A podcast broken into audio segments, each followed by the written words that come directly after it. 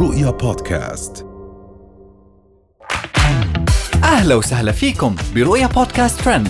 كل إشي بتحتاجوا تعرفوه عن آخر أخبار النجوم والمشاهير وأهم ترند صدر لهذا الأسبوع. الشيخ أبو الياس يدافع عن رهف القحطاني. هند القحطاني تدفع 5000 دولار لألعاب بنتها على الجوال. طرد جوري المغربية من السعودية ودبي بعد إصابتها بالإيدز. وأخيرا بلقيس فتحي تتخلص من شعرها وتحلقه بالكامل. تداول رواد مواقع التواصل الاجتماعي في السعودية والخليج مقطع فيديو جديد للشيخ السعودي المعروف بأبو الياس وهو يدافع عن مشهورة السوشيال ميديا السعودية المثيرة للجدل راهف القحطاني بالرغم من اختفائها. وطلع الشيخ أبو الياس في الفيديو وهو يقول عن الفعل الشين اللي سووه السعوديين وهم يتشمتون في الناس ومشاهير ال social media واللي يصير معاهم. وكان يقصد المشهورة راهف القحطاني. وقال الناس في السعودية لهم يومين في سيرة واحدة من مشاهير ال social media ويتشمتون فيها.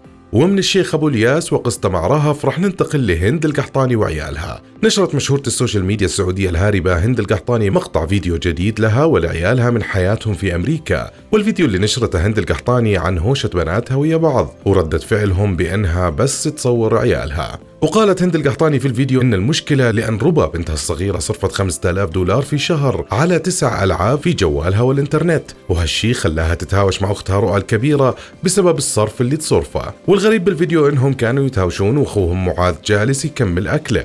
ومن هند القحطاني راح ننتقل لجوري المغربية وإصابتها بالإيدز.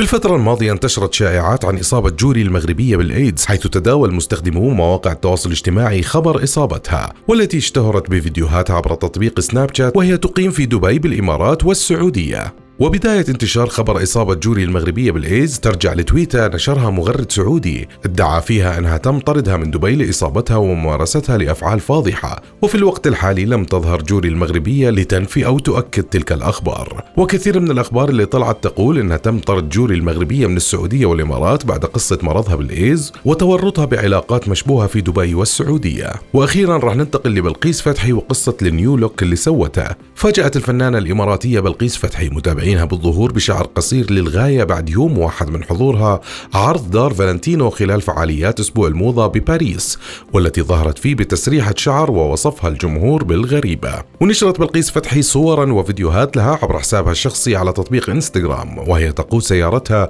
واستعرضت في الصور قصة شعرها الجديدة بعد أن تخلصت من جزء كبير للغاية منه. وظهرت بلقيس فتحي في الفيديو وهي تقود سيارتها على أنغام أغنية بتفكر في إيه للفنانة اللبنانية نانسي عجرم واكتفت بتعليق مقتضب قائلة أخيرا شعر قصير.